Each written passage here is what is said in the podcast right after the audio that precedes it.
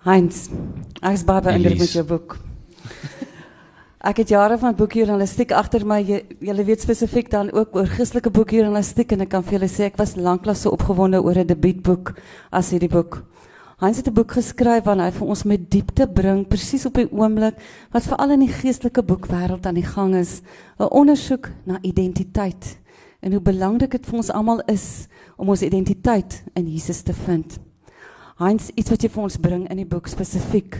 Hoe kan ware mans vandag hulle identiteit herdefinieer? Vertel ons 'n bietjie van jou reis oor hoe om jou identiteit te herdefinieer as 'n ware man. uh well, ek dink dis iets wat die hele tyd aan die gang is. Uh ek ek het juist probeer om nie uit 'n plek van volleerdheid nie, maar gebrokenheid en nederigheid my storie te vertel en te sê wat ek geleer het op 'n harde manier en en uh, hoe dat mense in my lewe my gehelp het om sekere goed nie op 'n harde manier hoef te geleer het nie. En ek dink die die die kort kortste manier wat ek kan sê wat dit beteken om 'n ware man te wees is hoe waar jy man is of hoe tot, tot watter mate jy 'n ware man is is direk eweredig aan hoe naby jy aan God leef. Want God is die een wat alles geskep het. Hy het ons geskep as mans en vrouens en so hy weet die beste. Hy ken ons die beste. So as jy wil weet wat dit beteken om 'n ware man te wees, leer die die ware Vader ken wat jou geskep het. En dit beteken tyd saam met hom, tyd saam in sy woord, tyd saam met mense wat hom ken, uh medegelowiges, mense wat geestelik sterker is as jy wat vir jou kan uh mentor. En dit is 'n uh, dis 'n proses en dit is nie 'n maklike proses nie. Dis 'n uh, dis een van van heeltyd koppe stamp want uh, soos die woord sê, daar is heeltyd 'n stryd tussen vlees en gees. Ehm um, en as jy eers die punt bereik het waar jy jou hart vir die Here gegee het en dan is daar nie omdraai kans nie want jy is dan al wil jy nou weer jou eie ding gaan doen jy is daai skapie nommer 100 wat hy sal gaan soek en my ervaring is dat die Here is so lief vir jou dat hy sal toelaat dat jy rock bottom slaan as dit is wat dit verg vir jou om te besef hoe nodig jy hom het. En dat jy weer van daai plek af kan opstaan saam met hom en hy vir jou kan wys wat dit beteken om 'n ware man en 'n volgeling van hom te wees. Daai rock bottom slaan gaan ook oor daai tye wat ons identiteit getoets word. Iets wat ek baie van hou in jou boek, is dat jy spesifiek vir ons ook wys hoe is Jesus se identiteit getoets. Vertel vir ons van die toetse wat daar was vir jou identiteit. Ehm, um, yes, dit is moeilik om dit op te som. Ehm, um, ek dink die die die, die vroegste wat ek kan onthou en wat ek probeer in my storie vertel is die hele weet wat wat maak jou wie jy is en wat maak jou wat dryf jou. En voordat ek tot bekering gekom het, ehm um, was dit meestal maar gevorm deur die kultuur rondom my en waarin ek groot geword het. En baie van daai waardes is is goeie waardes wat ek nou nog in glo. Uh maar dis nie goed as jy noodwendig verstaan nie. Jy weet dis dis soos jy kry mos uh die die wet en jy kry die genade en uh die genade het die gaan gepaard met die die revelation waar jy verstaan uh hoekom jy dit doen en ons het dieper begrip daarvoor terwyl die uh die wet, die reëls voor dit wat net vir jou sê wat jy moet doen, maar jy verstaan nie noodwendig hoekom jy dit moet doen nie, um is is gebrekkig in dat jy doen goeders want jy word gesê om dit te doen. En uh, ek dink my grootste aanvanklike uh uitdaging met identiteit was dat ek ek wil graag almal rondom my happy hou. Ek was 'n people pleaser. Uh ek dink ek is nou nog, maar dis iets wat ek daagliks voor die Here moet ne neer lê en onthou dit is nie waar dit gaan nie. Uh weet ons we we're not supposed to have a fear of man. En vir my was as as ek as ek my ouers kon happy hou en die mense rondom my vir my kon sê, jy weet, jy's ek is oulik en ek is goed gemanierd en ek doen goed op skool en alles dan het ek gevoel ek ek is nou op 'n goeie plek. Ehm um, en op daai stadium het reg vir my gevoel that's enough, jy weet. Ehm um, en maar toe het op 'n keer gekom gekom het toe besef ek dit is net goed wat ek doen. Dit is net uh goed wat deur mense gesien word as belangrik, maar dis nie wat my maak wie ek is nie. En om heeltyd die groter gaping wat 'n mens ervaar, enigiemand ervaar voor jy Jesus ontmoet, om daai gaping te probeer vul met dade en goeders wat jy doen, ehm um, is is gebrekkig. Dit dit val kort van wat dit veronderstel is om te wees.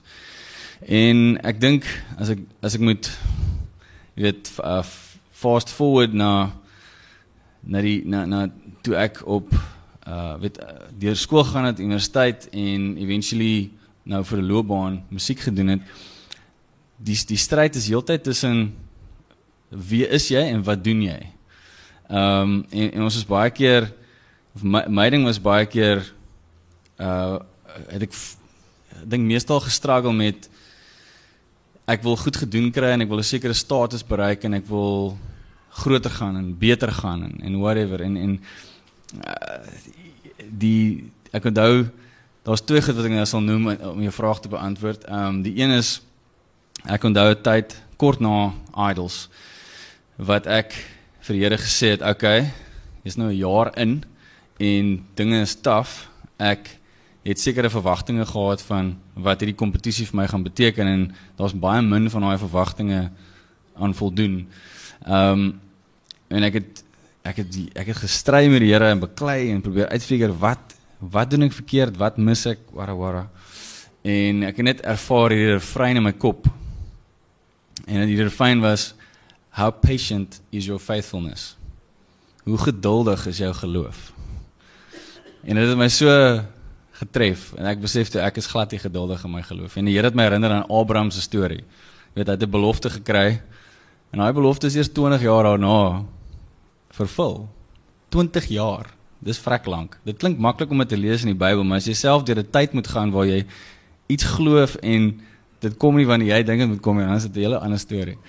En ehm um, so dit was toe nou en toe toe val ek weer in dieselfde lokval want ek sê dan nou okay Here ek gaan geduldig wees. En toe dan nou weer tyd verby gaan toe sê ek okay ek was nou geduldig. Nou uh toe besef ek net ek is nog steeds nie geduldig genoeg nie. En en dit was ook in daai tyd wat wat ek ervaar dat die Here vir my sê as jy nou jou stem verloor as jy nooit weer kan sing nie wie is jy Yes, dit was 'n moeilike een. En ek moes my talent opoffer in my hart en my gees want ek ek ek ek het genoeg Bybelstories al gelees en van mense se getuienisse gehoor om te weet dat as ek dit nie opoffer nie dan is daar 'n goeie kans dat die Here dit gaan vat want as dit in as dit in die pad staan van my en sy ja, verhouding ja. he'll take it away want vir hom gaan dit nie oor my talent nie dit gaan vir hom oor my en my verhouding met hom en dit is heeltyd die om jou vraag te beantwoord dis heeltyd die seker maar die die wortelstryd ja tussen die ja. twee dinge is my wil, sy wil en wat ek dink moet gebeur, jy weet. En dit kom elke keer terug na hy is so lief vir my dat selfs dit wat ek dink belangrik is kan nie in die pad staan van my en sy verhouding nie. En uh, en ek dink dit is dit is vir my gereeld 'n les om myself te herinner om seker te maak dat ek bly op die plek waar ek in hom my identiteit vind en nie in wat ek doen nie. En dit is baie moeilik as jy doen wat ek doen veral want dit gaan oor my my passie vir sing is so groot. As ek vir 'n week nie gesing het nie dan dink ek irriteer ek almal in my huis en ek sing heeltyd want ek ek kan nie wag vir my volgende show nie. Jy weet dis vir my regte ding en ek is op die oomblik as ek nou vir 'n rukkie nie gereeld in 'n show nie en dit het dit het definitief effek op my. Wel eens ek kan vir sê dan ons huis word die radio aangesit as ek begin sing sê jy is nog op 'n veilige plekkie radio word nog nie aangesit nie. Ek dink ons kan gerus 'n bietjie van 'n applous gee julle vir die mate wat hy sy hart vir ons oopmaak. Eens die een ding wat my baie beïndruk het van jou boek is die feit dat dit is nie bloot net 'n getuienisverhaal nie. Jy vertel vir ons van hoe jy die Here ontmoet. Wil jy nie vir ons vertel van daai wonderlike oomblik een nag 2 uur toe die Here vir jou wakker gemaak het nie? Ek ek was toe nog 'n uh, 'n bachelor daar in Johannesburg en ehm um, ek het ek het in daai huis twee baie uiteenlopende ervarings gehad. Die een was daai nag en die ander een was 'n nag waar ek wakker geword het want ek het gevoel iets is besig om my te wurg. En dit was nie 'n inbreker nie, dit was iets geesteliks geweest. Ehm um, en en en ek oor een van die redes hoekom ek daai die donker ene geweet het wat om te doen was nag was oomblikke soos daai en die mentorskap wat ek gehad het. Ek kon in die in die donker oomblik sê gaan weg in Jesus naam en dit was weg. En daai nag het ek twee letterlik twee wakker geskrik en ek het dadelik net gesien Jesaja 49. Hy het spesifiek gesien Jesaja 49 vers 2. En dit het nog nooit my gebeur nie. Ek het al so stories gehoor, ek het al so getuienis gehoor en ek het altyd gedink, "Ja, yes, dit sal so cool wees dit my gebeur." En dan word jy toe in die nag wakker en jy sê, "Dis okay." nou is ek hier. Ehm um, in elk geval en ek het ek het toe my Bybel oopgemaak en die ehm um, die, die vertaling wat ek gehad het het het gesê iets in die lyn van he made my mouth like a sharp sword. Ehm um, en dan gaan dit aan om te verduidelik dat weet jy is soos 'n pyl in die koker van die Here wat op die regte tyd gevuur gaan word, geskiet gaan word. Uh en ek lees toe die hele die hele hoofstuk.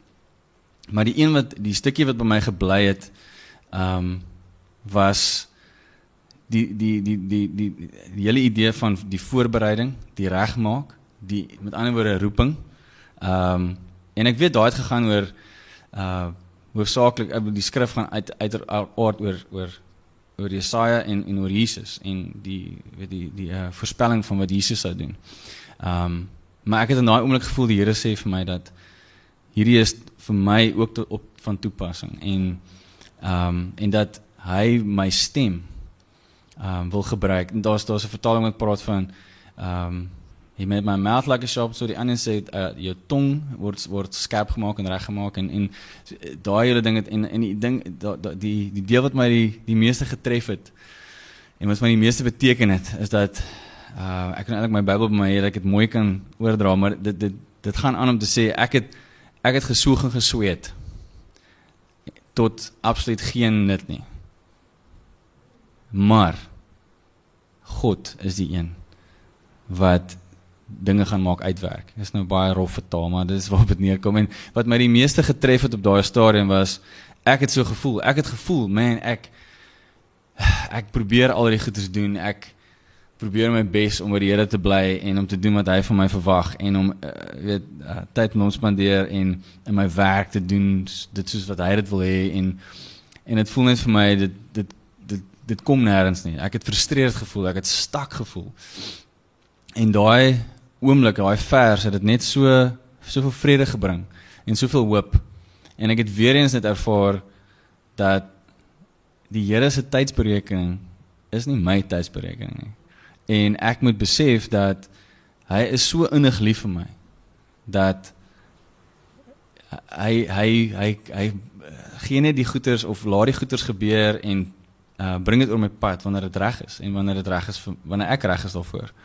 Ehm um, So dit was 'n ontsettend bemoedigende uh ding en en en daai daai skrif was ook die begin van 'n 'n tyd waar ek God se visie vir my lewe vir die eerste keer gesien het en ek dink ek skryf ook daar uh nadat dit gebeur het in, in my tyd saam met my pastoor waar ek 'n 'n prentjie gekry het van God se plan vir my lewe en en so dit het alles hand aan hand gebeur in daai tyd en dit was baie noemenswaardig en is daai prentjie wat my aan die gang hou. Jy weet as ek in die oggend wakker word en weet hoekom ek hier is, dat ek is hier om sy koninkryk te bou deur deur wat ek gegee is om te doen.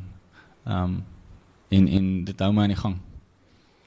Nou ja, ons moet daarom se proeseltjie van die pudding kry. Jy kan nou lekker rustig af so oorsit. Dan okay. lees ek vir julle so 'n stukkie juis nou spesifiek oor die aand. Te midde van die stryd van 2005 het ek gereeld tyd met pastoor Andrew spandeer. Ons het die moeilike uitdagings wat ek gehad het en foute wat ek gemaak het, vasgevat in geestelike oorlogvoering. En terselfdertyd het ek gegroei en vordering gemaak in my disippelskap. Ek weet, dit klink teenstrydig. Ek het ook so gevoel. Die meeste van ons het groot geword met die idee dat wanneer jy jou hart vir die Here gegee het, jy nou perfek is en dat alles oukei okay is. Maar ek het op 'n harde manier geleer. Dis 'n morsige reis Vertel vir ons Heinz van die morsige reis. Dis min mense wat dit so kan uitspel, maar ja, dit is nie elke oomblik 'n volmaakte wonderlike reis vol waarborge nie. Ja, ek dink een van die grootste leuns wat in die veral die westerse samelewing ingekruip het met evangelisasie is dat gee jou hart vir die Here en jou lewe is perfek. En dit is asof dit daar eindig, jy weet, en dit is hoe genaamd nie waar nie. Jesus is die een wat vir ons sê in hierdie wêreld gaan jy moeilikheid kry. Maar ek is iemand vir jou vrede gee te midde van die moeilike goed. Ehm um, en en daai daai idee om om te praat van die die morsige stryd en uh, het het het begin 'n paar jaar terug toe was ek en Alette in in in Nashville gewees en ons het 'n uh, daar's 'n uh, kerk daar en 'n predikant wat hy het 'n vreeslike eerlike bediening as ek dit sou kan stel baie menslike benadering tot hoe hy praat en en hy hy het gepraat van life is messy, jy weet. En en hy het dit net so uh uh hoe kan ek sê realisties benader.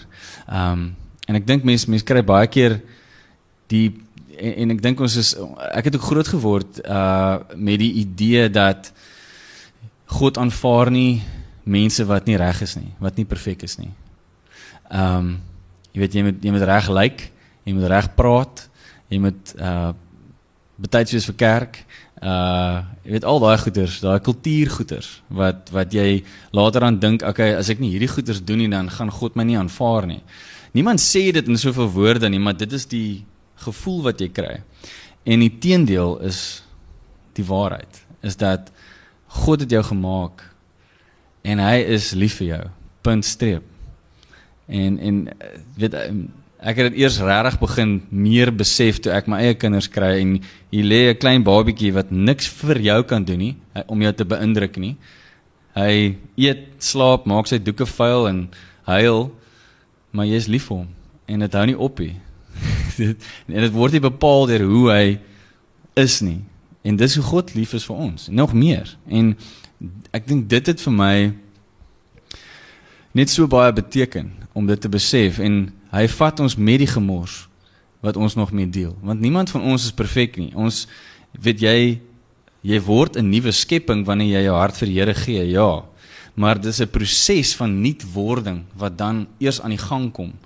En solank jy by hom bly en tyd spandeer met met met medegelowiges in uh en met deursigtigheid oor jou lewe, dis dan wanneer God kan werk in jou en wat jy as nuutskepping wat met jou water doop die nuwe skepping is saam met Christus tot sy volle potensiaal kan kom. En ek dink dit is wat ehm um, wat vir my begin oopbreek het is dat God se plan vir my en vir ons almal is soveel groter as as as net bekering. Dis die begin van hemel op aarde. Ons kan nou al hemel op aarde beleef deur intens by hom te wees en sy teenwoordigheid na te streef in elke dag en wat ons doen. En is moontlik dan vir ons om hemel aarde toe te bring op daai manier.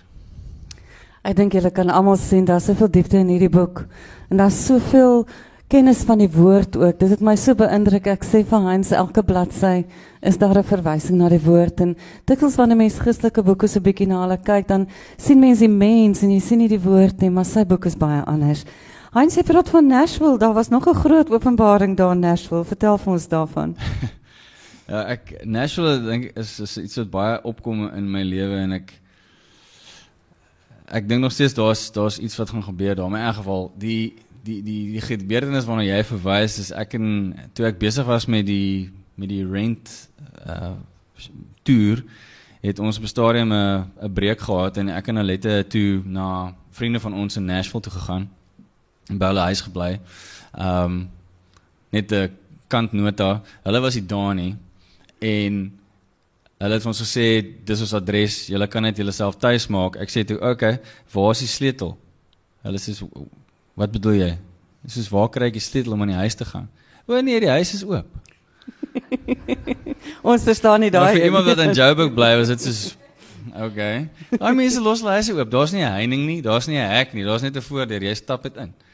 Anyway, toe gaan maak ons osself tuis en ons bly in hierdie wonderlike huis en ehm um, en ek het in daai tyd die geleentheid gehad om ouens wat uh, hoog op is in die Christelike kontemporêre mark te ontmoet.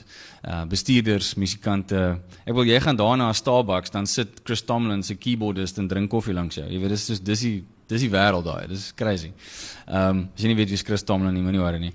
Ehm um, en ek ons het hierdie mense ontmoet en ek het ek was so oorweldig met die gevoel dat of ek op die regte pad is want ek het eh, my my musiekloopbaan het eintlik begin in die kerk met aanbidding leiding. Aanbiddingsleiding worship leading. En uh en ek van my eerste liedjies wat ek geskryf het was was Christelike liedjies en dit was in die studentekerk hier op Stellenbosch waar ek my voete gevind het as 'n 'n 'n voorsanger. En en toe het idols gebeur en ek het toe dit toe die tyd dat dit gebeur het, het ek ook 'n baie sterk kommersiële deel van my musiek gehad en hier op die dorp gespeel in Dorpsstraat teater en Bohemia en daai tipe goeders en ek het uh, elke geleentheid wat ek gekry het uh, ergens gejam. En en en so lief soos ek was vir aanbiddingsleiding het ek ook 'n groot liefde gehad vir kommersiële musiek en om mense te vermaak. En toe idols gebeur het, het ek my in hierdie wêreld ingedruk en en ek het dit geniet. Ek was passief daaroor en ek het gevoel dis 'n amazing geleentheid om ehm um, om weet uh, God vir God lig te wees in daai deel van die wêreld. En uh, weet is my visie wat ek gehad het 'n paar jaar terug uh, ag ag kort daarna jammer. Sê gou kort daarna het, het dit bevestig dat God het 'n plan met my in die kommersiële mark. In geval so met dit as 'n agtergrond sit ek in Nashville en die vraag oor moet ek in die kommersiële mark bly of moet ek Christelike musiek maak kom toe baie baie sterk na vore. Ehm um, want as ek vir hierdie ouens probeer verduidelik wat ek doen, kan ek sien hulle waasig net so oor. want en ek ek het ek het ook gesien as jy nie in 'n baie spesifieke hokkie jouself sit in die mark nie, dan dan verstaan mense nie wat jy doen nie. Ehm um, so dit is dit is 'n striweling binne in my want ek ek weet wie ek is en wat ek veronderstel is om te doen en ons om dit reg te kry want jy is, is amper asof mense gaan wel jy sing of uh sekulêre musiek of gospel musiek en jy kan nie somehow albei wees nie. En so dit en ek verstaan gedeelte daarvan. Maar nou sit ek in Nashville en ek is in trane voor die Here die een oggend. En ek sê van wat wat wil hy hê moet ek doen? Ek sal enigiets doen. Ek sal aanhou met wat ek aanhou of ek sal doen. Ek wil net weet. En ek het ek het duidelik ervaar die Here vir my sê dit is nie sy plan vir my dat ek gospel moet doen of moet aanbiddingsleiding doen vir 'n loopbaan nie want dit is nie sy plan met my nie. Daar's niks wat my keer om dit te doen by geleentheid nie want ek doen dit baie. Kerke nooi my, skole nooi my en ek sing worship liedjies of Christelike liedjies, maar dis nie wat ek doen offisieel nie. Aan die begin van hierdie jaar het ek weer daarmee gestruggle, daai vraag. En ek het tyd met my met my pastoor spandeer en hy het vir my gesê jy was geroep om 'n invloed te hê. Jy het 'n platform gekry. En die laaste ding wat jy moet dink is dat jy het 'n fout gemaak en dat jy moet gaan gospel musiek sing. Daar's genoeg ouens wat gospel musiek sing. En as dit nie 'n roeping is nie, dan kan jy actually ongehoorsaam wees om dit te doen. En in Nashville en nou wie onlangs was net bevestig vir my. Ek weet nie wat die Here oor 10 jaar wil doen nie, maar vir nou is ek veronderstel om die beste moontlike musiek te maak wat op die top 20 speel en wat st stadions volmaak. En dit is dis wat ek probeer doen.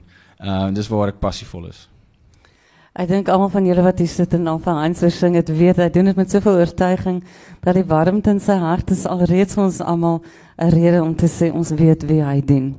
Is daar van julle wat dalk 'n vraag of twee het? Ek dink vir my die een ding wat nou deurkom, wat ek sien wat wel gebeur het, daai geduld waarvoor Hans waarvoor Hans gebid het, daai geduld het gekom. Mens kan dit sien.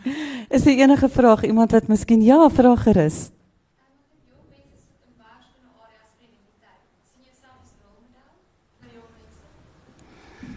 Ag, die woord rolmodel is so holrigery. Eh, ek ek het nou weer onlangs gesien dat die in die nuus die rugby spelers wil nie as rolmodelle gesien word net omdat hulle famous is vir rugby speel nie. Want daar kom 'n groot stuk pressure daarmee saam. En ek verstaan dit. Ek die die probleem met 'n rolmodel is dat jy sit op 'n pedestal en as hy enigstens iets verkeerd doen en van die pedestal af voeter, dan gaan almal o, oh, wel, dit was useless.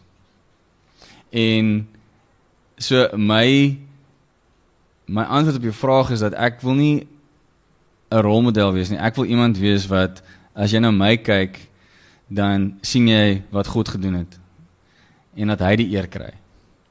So ek voel as enige iemand wat invloed het, dit kan regkry, dan sal dit baie meer impak hê. Ehm um, ek onthou toe ons kerk wanneer ek was, as ek in His People gekom het, ehm uh, in my studente daar, toe was dit in die tyd wat uh die pastoor wat die kerk oorspronklik begin het, ehm um, weet het uit 'n buiteegtelike verhouding is hy uitgevang en die hele hy's gevra om obviously uh uit te tree vir ruk en en daar was chaos in die kerk en die gemeenskap.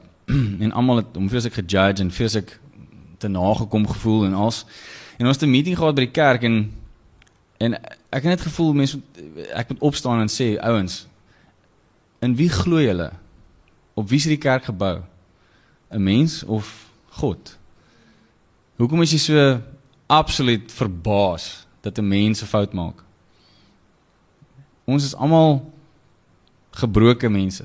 In God kan ons heel wees maar dit beteken nie jy gaan van hierdie oomblik af aan perfek loop die hele tyd nie. En ek dink die gevaar is om soveel druk op 'n mens te sit wat jy eintlik op God moet plaas. Want almal van ons soek 'n plek om soek iemand om te aanbid. Dis in jou gemaak, jy's gemaak om te aanbid. So sodra jy meer agting gee aan 'n mens en 'n rolmodel, dan is jy besig om hom te idolize. En dis iets wat ons nie moet doen nie. So ek voel my en ek dit is 'n bevestiging. Ek het eendag wat ek op Betty's Baai as so 'n pragtige gedeelte daar waar die pikkewyne is, ehm um, waar daar ek draf gereeld daarin gaan sit op 'n rots. Maak so klein baadjie en, en ek het eendag daar gesit en toe oorkant my ehm um, is die die manier hoe die rotse gevorm is deur hoe die see daarteen slaan is nogal uniek. Dit's baie rof en en en uh edged. Goeie Afrikaanse woord kom nou by my uit maar en die interessante ding die die die die hoek waarteen ek gesit het op daai stadium en gekyk het na hierdie rotse wat gevorm is wat was amazing want ek het hier gesit en vir hulle en en vir die goed gekyk en dit gelyk soos 'n gehoor dit gelyk soos mense né en agter my so skuins agter my dit was bewolk en die son se strale het so begin deurkom en ek het net ervaar hoe dat daar's 'n gehoor wat na my toe gedraai is.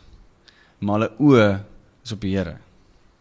En dit is nou 'n vreeslike lang antwoord vir jou vraag, maar dit is my hart is om dit reg te kry. En ek glo waar ek hoop dat ander mense wat in die posisie is ook daai fokus het. En ons sal baie minder mense teleurgesteld wees, glo ek. so. Dis 'n goeie antwoord, nee. Dan nog enige ander vrae? Iemand wat dalk vanmôre met 'n vraag in hulle gemoed hiernatoe gekom het? Ek dink daai vraag is beantwoord.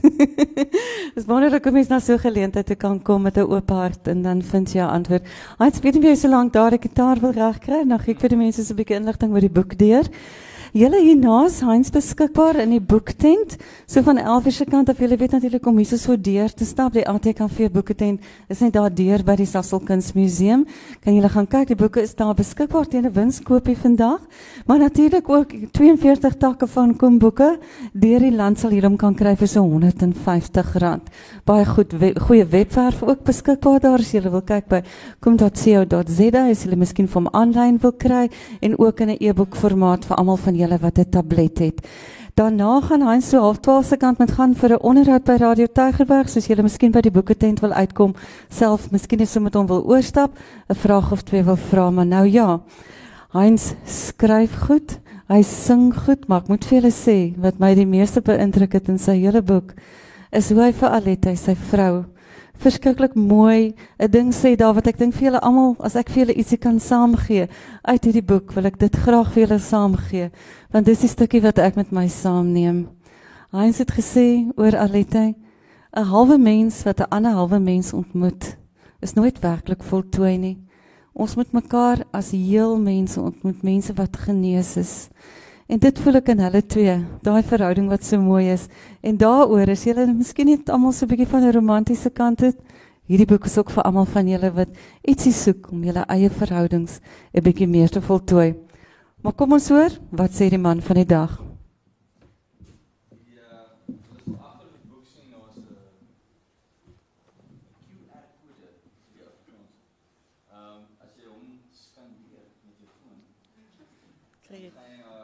Twee liedjies. Koen Boek se se webtuiste en daar's twee liedjies wat ek spesiaal geskryf het en vervaardig het. Ehm um, wat gepaard gaan met die boek. Uh ek wil een van die liedjies vir julle graag doen vandag. Sy naam is Dans met my. Uh, en die ander se naam is Ek is die seun. Hy is is beskikbaar om verniet af te laai van die webtuiste. Hierdie een is uh ja, Dans met my.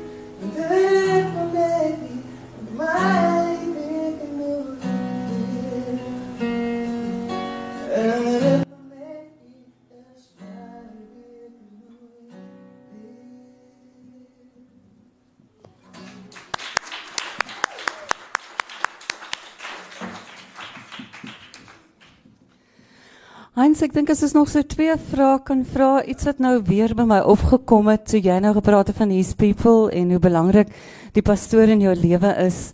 En dis 'n punt wat jy baie sterk benadruk in die boek ook. is hoekom moet ek by my kerk betrokke bly en wat is die seën van iemand wat 'n betrokkenheid by die kerk het veral die dag as jy gesinsman word?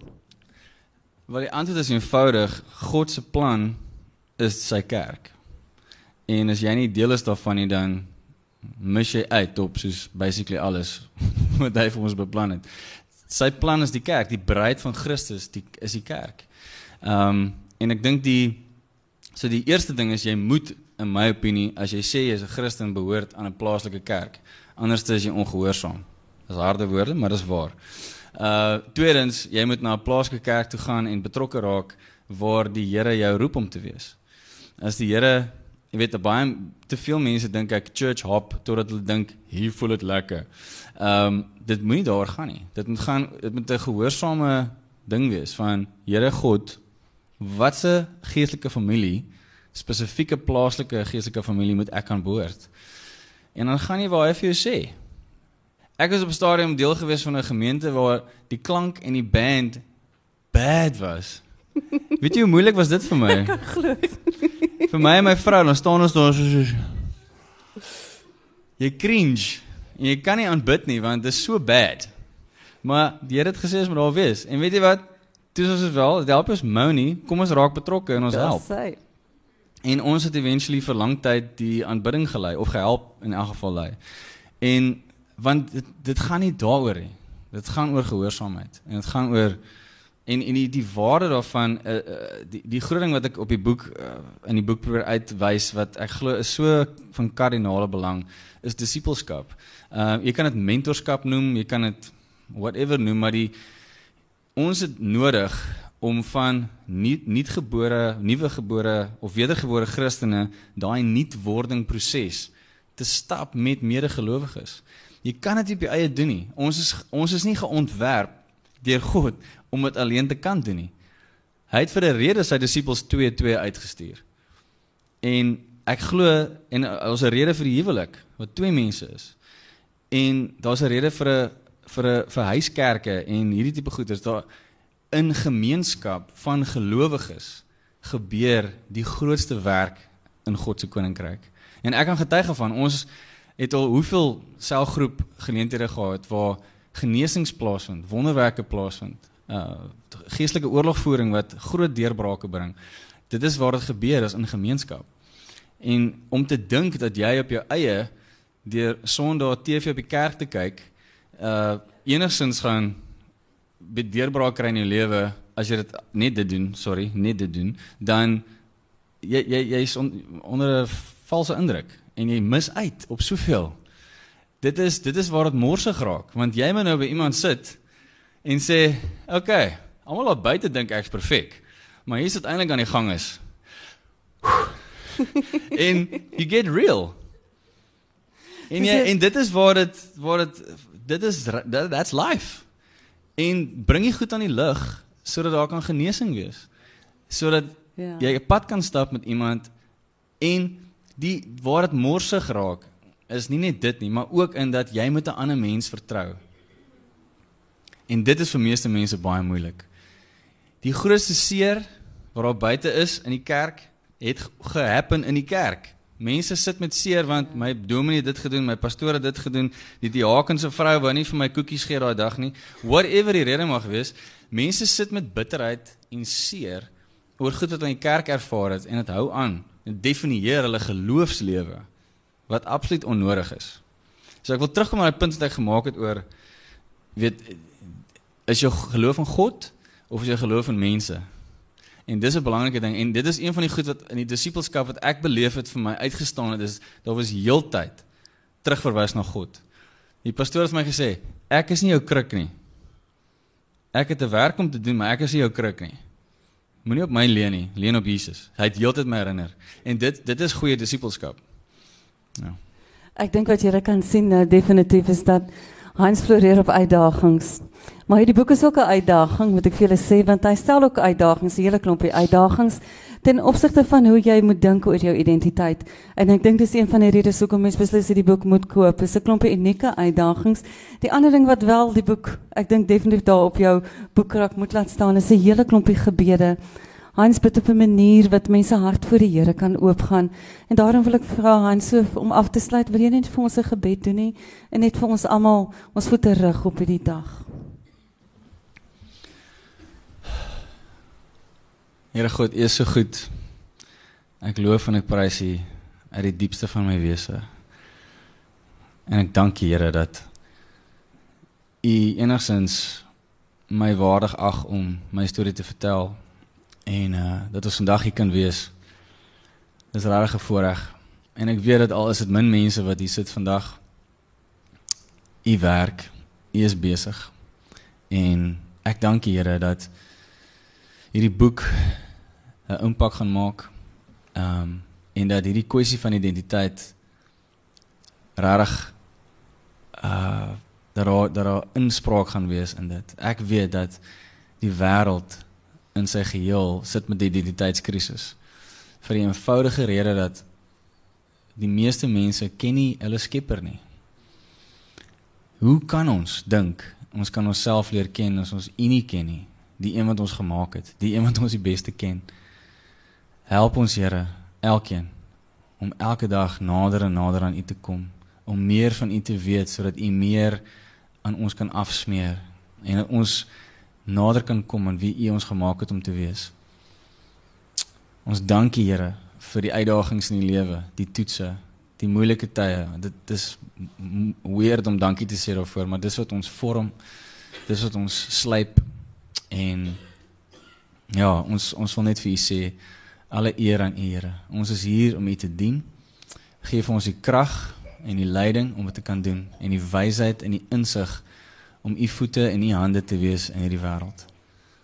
Dankie vir die mense wat vandag hier is. Ek bid dat u hulle elkeen sal seën, ryklik sal seën.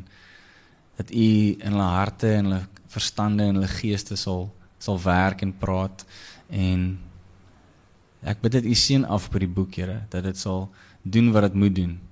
Dat dit sal bereik wie dit moet bereik en die impak sal hê wat u wil hê dit moet hê sien ons vir die dag en als ons verder doen ons ons gee dit vir u en ons wil dit doen as as 'n lofoffer vir u in Jesus naam amen Sy het wel rustig oorstap daar na die ATKV boektent of miskien iets wat met haar te bespreek. Julle is almal baie welkom. Dankie dat julle gekom het en dankie so dit was vir my 'n baie innige geleentheid.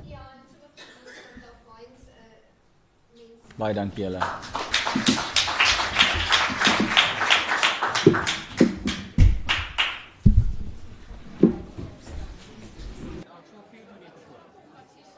Wat sê jou